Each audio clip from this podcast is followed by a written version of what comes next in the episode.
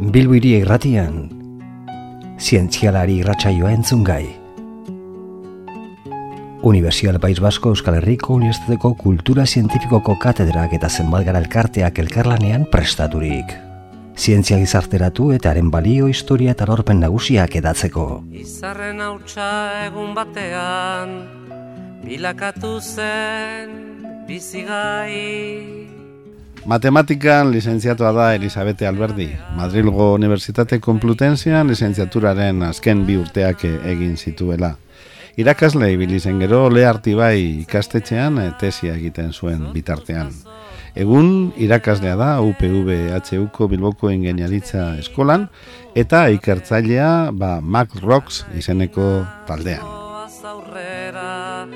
Kate horretan denok batera, gogor kiloturi gaude. Ba- Berriz ere matematikaz, jardungo dugu zientzialari saioan. Zientzia zehatza dugu matematika, baina zenbaitetan ezinezkoa gertatzen zaigu problema baten emaitza zehatza, erabat zehatza lortzea. Horrelakoetan bestelako baleabide matematikoak eh, behar dira, egiazko emaitzatik ahalik eta hurbilen eh, ibiltzeko.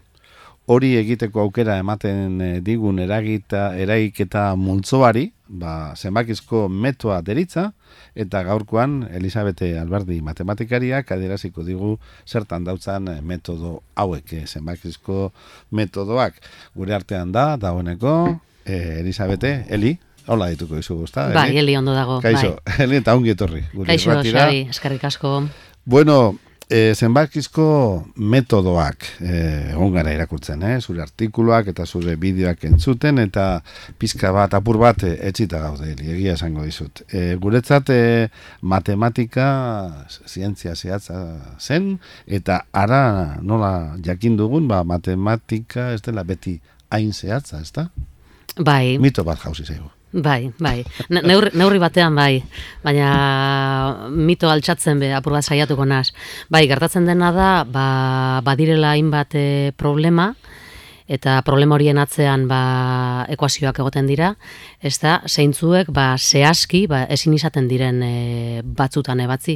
Zehazki izaten dudanean, matematikariok erabiltzen dugun hitza izaten da analitikoki ebastea, ez da.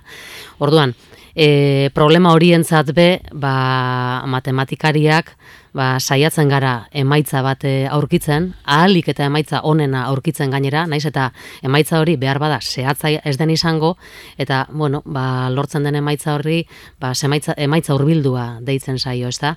Alan eta guzti, esan behar da, emaitza hurbildu bat emoten denean adierazi egiten dugula, esaten dela ba, problema honentzako emaitza hurbildua lortu da, ez da lortu emaitza zehatza, eta gainera ba, neurri honetan egon daiteke egiten ari garen e, errorea, ez da? Errore hori neurtzeko ba, eskatzen zaiguna da ba, emaitza hurbildu hori lortzeko erabili dugun metodoa ba, aplikatzea, emaitza zehatza ezagutzen den e, problemetan, eta demagun, emaitza ezaguna duen problema baten soluzioa amalau bada, ba, izan daiteke gure metodoa erabilita, lortu den emaitza hurbildua ba, amairu koma sortzikoa izatea, ez da? Orduan esaten dugu, bueno, ba, amairu koma sortzi da lortu dugun emaitza, ondorioz, ba, errorea 0,2koa izango litzateke, ez da? Bai, Beraz, ba, hurbiltasuna hor dago, baina lan eta guzti, emaitza hurbildua ematen den kasuetan ere, ba, zurruntasunera apur bat e, hurbilduz, ez da? Ba, errorea emateko itura egoten da, bai? Mhm.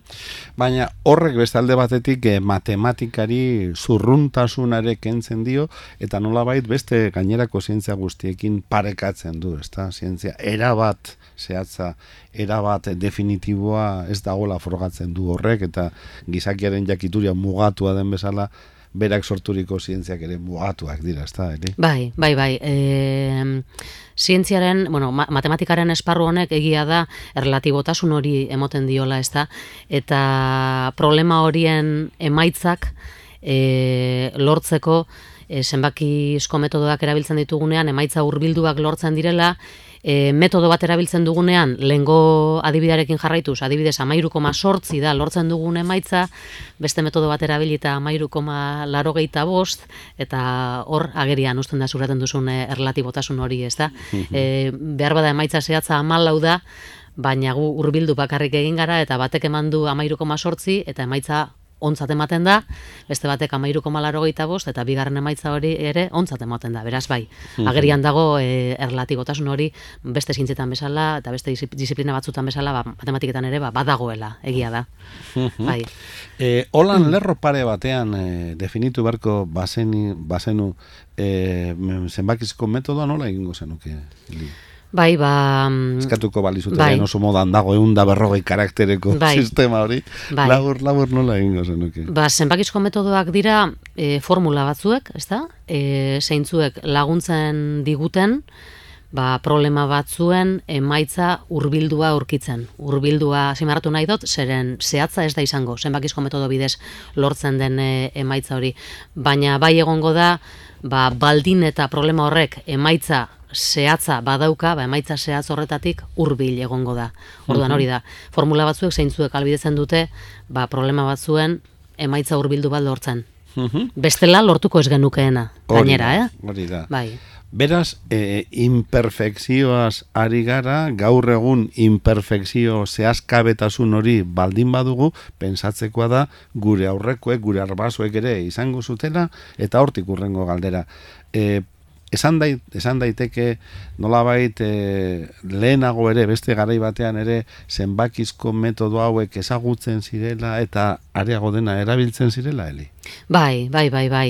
E, gaur egun erabiltzen ditugu zenbakizko metodoa, zuzan duzun moduan, baina duela egun bat urte ere zenbakizko metodoak erabiltzen ziren. E, egia da gaur egun erabiltzen ditugun zenbakizko metodoak ba, komplexuagoak, sofistikatuagoak direla, eta horrek esan nahi dau, ba, emaitza hobeak lortzen laguntzen dutela, ez da? Ja, bueno, guzti hau teknologiari esker izan da, ez da? Baina mhm. zure galderari erantzunez, bai, duela urteak ere erabiltzen dituzten. Gainera, ba, erabiltzen diren zenbakizko metodorik simpleenak, ba, eulerren metodoa, edota Adams Basford eta Adams Moultonen metodoak ez dira oraingoak, baituzte hainbat urte.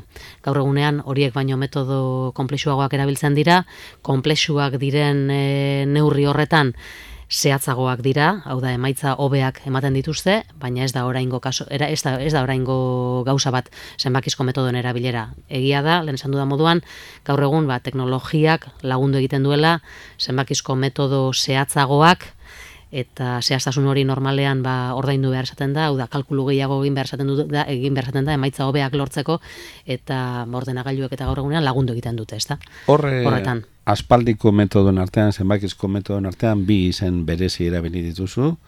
Adams, alde batetik ezta? Adam bai, izen komposatu izan da. Adams, Adams Basfor, Adams, Basfor, Multon. Multon, eta bestea eh, Eulerrena. Eulerrena, ez da? Bai. Zertan bere izten dira laburra esan da, batzuk eta besteak? Bai, ba, eulerren metodo adibidez, e, bueno, e, esan aipatu ditudan metodoak dira derivatuak agertzen direneko ekuazioak ebasteko, ezta? Derivatua esaten dugunean, esan nahi dugu, ba, neurri baten aldaketa. Adibidez, ba, espazioa nola aldatzen da, abiadurak esaten digu eta bar, ezta?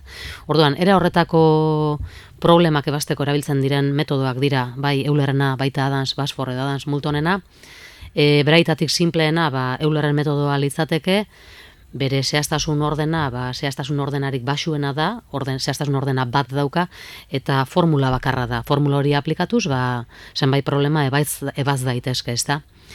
E, Adams Basford en metodoei edo Adams Multonei begiratzen badiogu, badiegu, ba bueno, ez da formula bakarra, esan dezakegu beraietako bakoitza ba familia bat direla, ez da? Soluzio bat, aukera bat baino gehiago ematen Aukera bat baino gehiago eskaintzen dizute. Adibidez, Adams Basforren familia nola baite deitzekotan barruan, ba, aukeratu dezakezu, zehaztasun ordena bat duen metodoa erabiltzea, zehaztasun ordena bat duen formula erabiltzea, edo zehaztasun ordena bikoa, edo irukoa, eta bar, eta bar, ezta?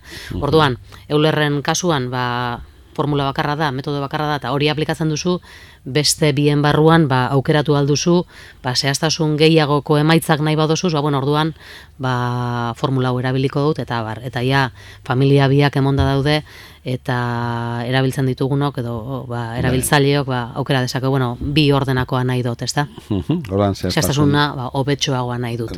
Lortzen da, Lortzen da. Lortzen da.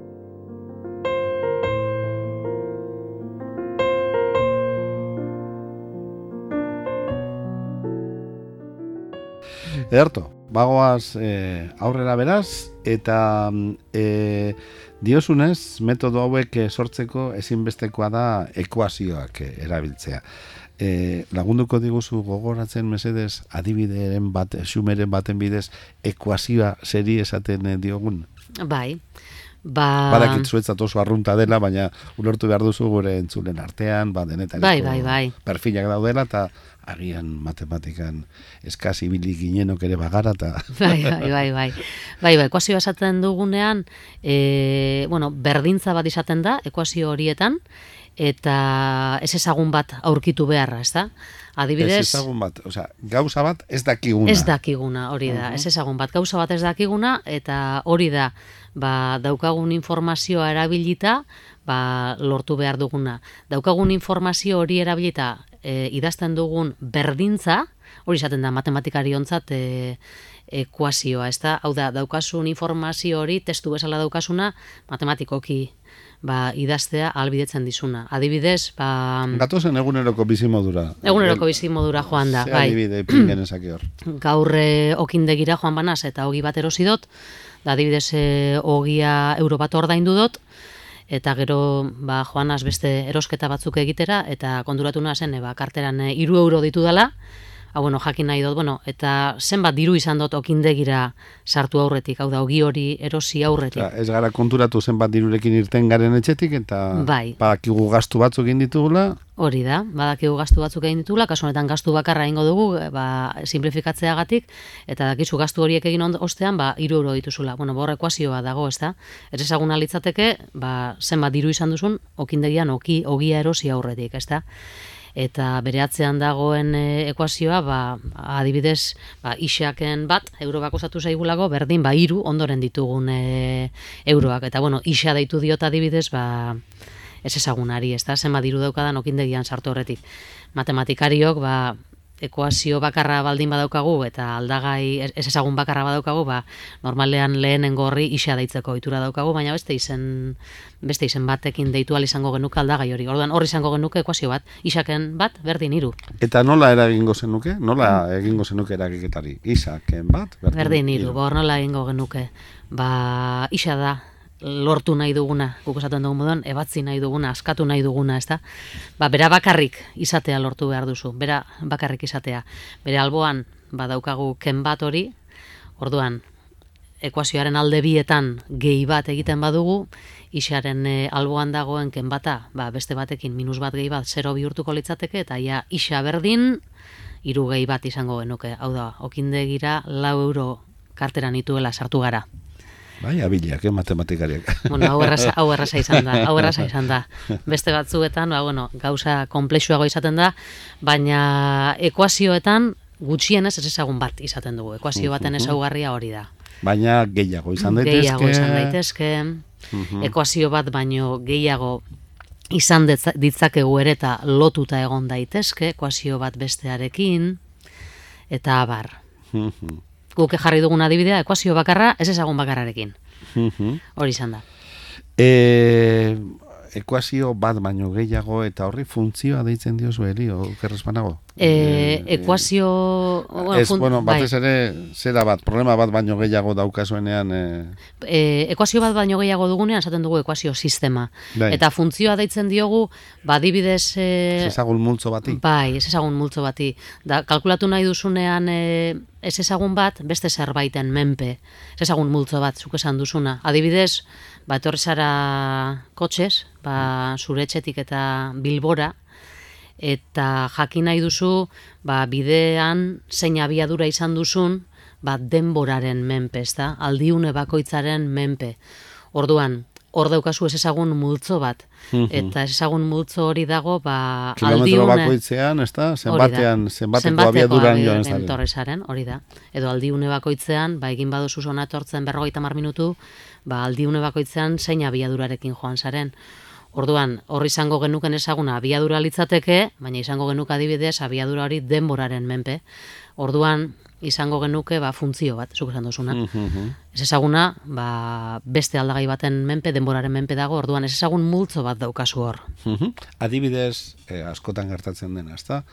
e, ertzainek eta isunak jartzeko erabiltzen duten sistema hori tunel bat e, zeharkatzen dugunean badakite ze abiaduratan sartu garen eta ze abiaduratan irten garen bidatu horiek edukita bitarteko bat, batez besteko bat atea esakete eurek, ez Bai, bai, bai, bai. Bidatu izan eta da... Eta litzateke hori da, tarte bat, ez da, azken finean, tarteak analizatzen aztertzen dituzue. Bai, bai, guk eh, adibidez, eh, ebatzi beharko bagenu problema bat, zeinetan, abiadura kalkulatu nahi dut denboraren menpe, eta ebatziko dut problema hori ba, zenbakizko metodoak erabilita, hau da lortuko emaitza hurbildu bat, hurbildu bat, ba, ia ezinezkoa da abiadura hori une oro kalkulatzea. Orduan, konformatzen garena da, ba, denbora puntu batzuetan, hau da, aldiune konkretu batzuetan, bakarrik abiadura hori izaten. Adibidez, ba, kalkulatuko dugu abiadura, ba, hogeta mar segunduro, edo kalkulatuko dugu, ba, minutu bakoitzeko, edo bos minutu bakoitzeko. Hau da, tarte bat pasatu eta urrengoa, tarte bat pasatu eta urrengoa. Eta tartea zenbat eta laburrago, orduan eta zehatzago, seguru asko emaitza, Hori da, tartea zenbat eta laburrago, ba, zure ezagunari buruzko datu gehiago dituzu, emaitza ba, zehatzagoa izango da, hori da. Gainera, tarte horri, zenbakizko metodoetan, ba, izen berezi bat ematen zaio, ba, pauso tamaina daitzen zaio, ez da? Eta bai, lortzen duzuna da, ba, puntu diskretu batzuetako e, ez ezagunaren balioa izatea. Bai. Orain, ez dakite, agian ez dauka zer ikusirik, eh? baina orain estatistika datorkit gogora. Inkesta bat egiten badugu egun lagunen artean, bueno, urbildu gaitezke azken emaitzara, baina mila lagunen artean egiten badugu, askoz posibilitate gehiago daukagu asmatzeko, ez Bai, bai. Eta mila barik, amar mila badira, bai. seguruenik, Bai. Ezta? Pizka bat bai, bai, hori bai, bai, bai, bai, gauza, gauza antzekoa gertatzen da, bai, azkenean zenbat eta informazio gehiago erabili, gulen eh, hitz egiten egon garen kasuan aldiune ezberdinetako zenbat eta informazio gehiago eduki, ba, emaitza hobea lortuko duzu. Eta estadistikaren kasuan, zenbat eta informazio gehiago erabili horbe, hau da, zenbat eta inkestak jente gehiago erantzun duten, edo zenbat eta informazio gehiago uki, ba, inkesta horren inguruan, ba, emaitza hobea lortzeko aukera, aukera da. dago kasu hori da. Bai. Hori da. Naiz eta, hori ere, zehatza ez litzateken izan. Naiz eh? eta gero benetan, behar bada, beste gauza bat gertatzen den. Baina zuk ez da berdina inkestatzea un lagun, edo un mila lagun. Hori da.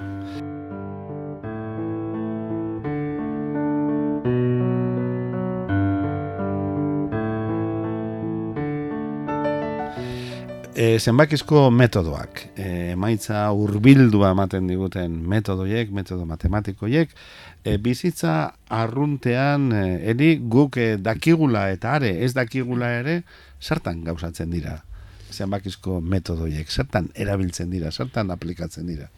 Ba, adibide pare bat, bai, ba, adibidez erabil daiteke, bueno, askotariko problemetan erabil daitezke, ez da? Adibidez, eraikinekin loturiko problemetan, ba, erabil daiteke jakiteko, ba, eraikin oso baten, edo eraikin bateko gela baten, beroa nola zabaltzen den.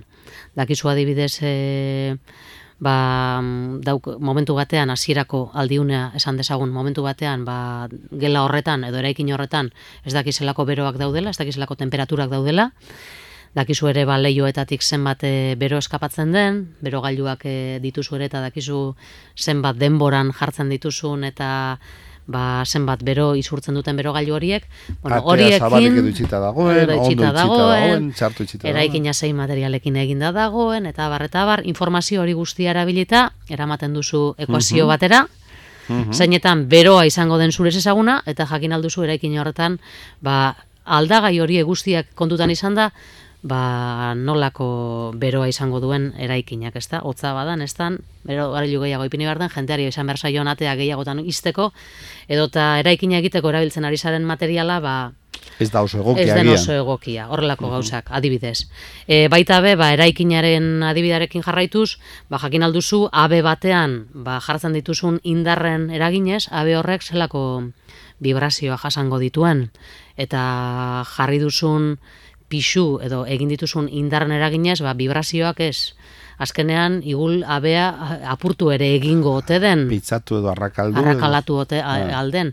Horrelako kalkuluak egiteko hori zenbakizko metodak erabiltzen dira. Edo, baina apur bat e, esparru saldatuta, ba, medikuntzaren e, alorrera joaten bagara, ba, badaude ere tumore batzuek, zeintzuen e, tumore zelulak, ba, horrelako ekuazioak jarraituta zabaltzen diren. Orduan jakin alduzu, ba, momentu horretan, ba, pertsona horrek ba, zein e, zelula konzentrazio, tumore zelula konzentrazio daukan, eta nola dauden e, zelula horiek zabalduta, eta kalkulatu alduzu, ba, amendik eta bila betera, zein izango den, ba, tumore zelula horien, ba, konzentrazioa, eta norantz zabalduko diren, Hau da, askotariko problemak ebasteko e, era, erabili aldira zenbakizko metodo horiek.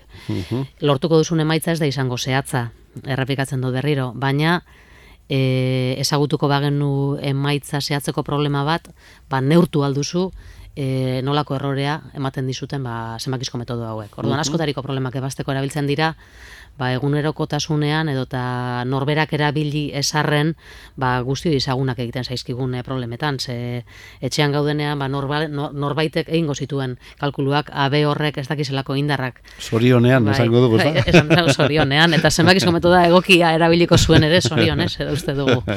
Bai, bai. Azken galderatxo bat, Eli, nire partetik, eh, lehen astu zaidalako galdetzea.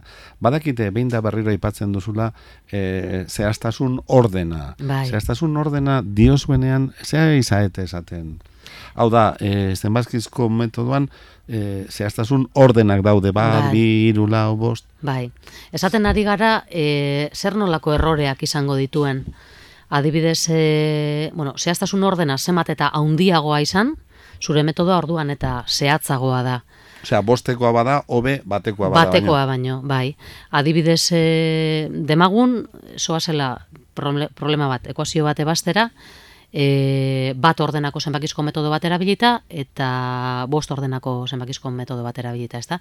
Demagun baita ere problema horren e, emaitza zehatzak ezagutu egiten duzula. Eta momentu konkretu batean, esaten du momentu konkretu bat, zer normalen horrelako problemek emaitza multzoa dauzkat, ezta? Momentu konkretu batean, ba demagun lengo amalau dela emaitza zehatza bueno, ba, bat ordenako zenbakizko metodoarekin, behar bada lortuko duzu amairuko masortziko emaitza.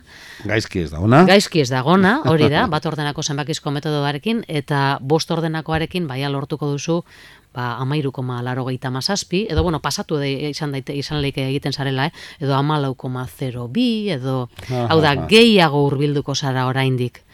Zenbat eta ordena hobea, bueno, erabiltzen dugun kontzeptua hori da, zehaztasun ordena, jasan nahi duz, zehaztasuna. Ba, ba, ba. Zehaztasuna. Eta gero, neurtzeko erabiltzen dugun baitza hori da, ordena. Eta zenbakiz adirazten dugu, bat, iru lau bost.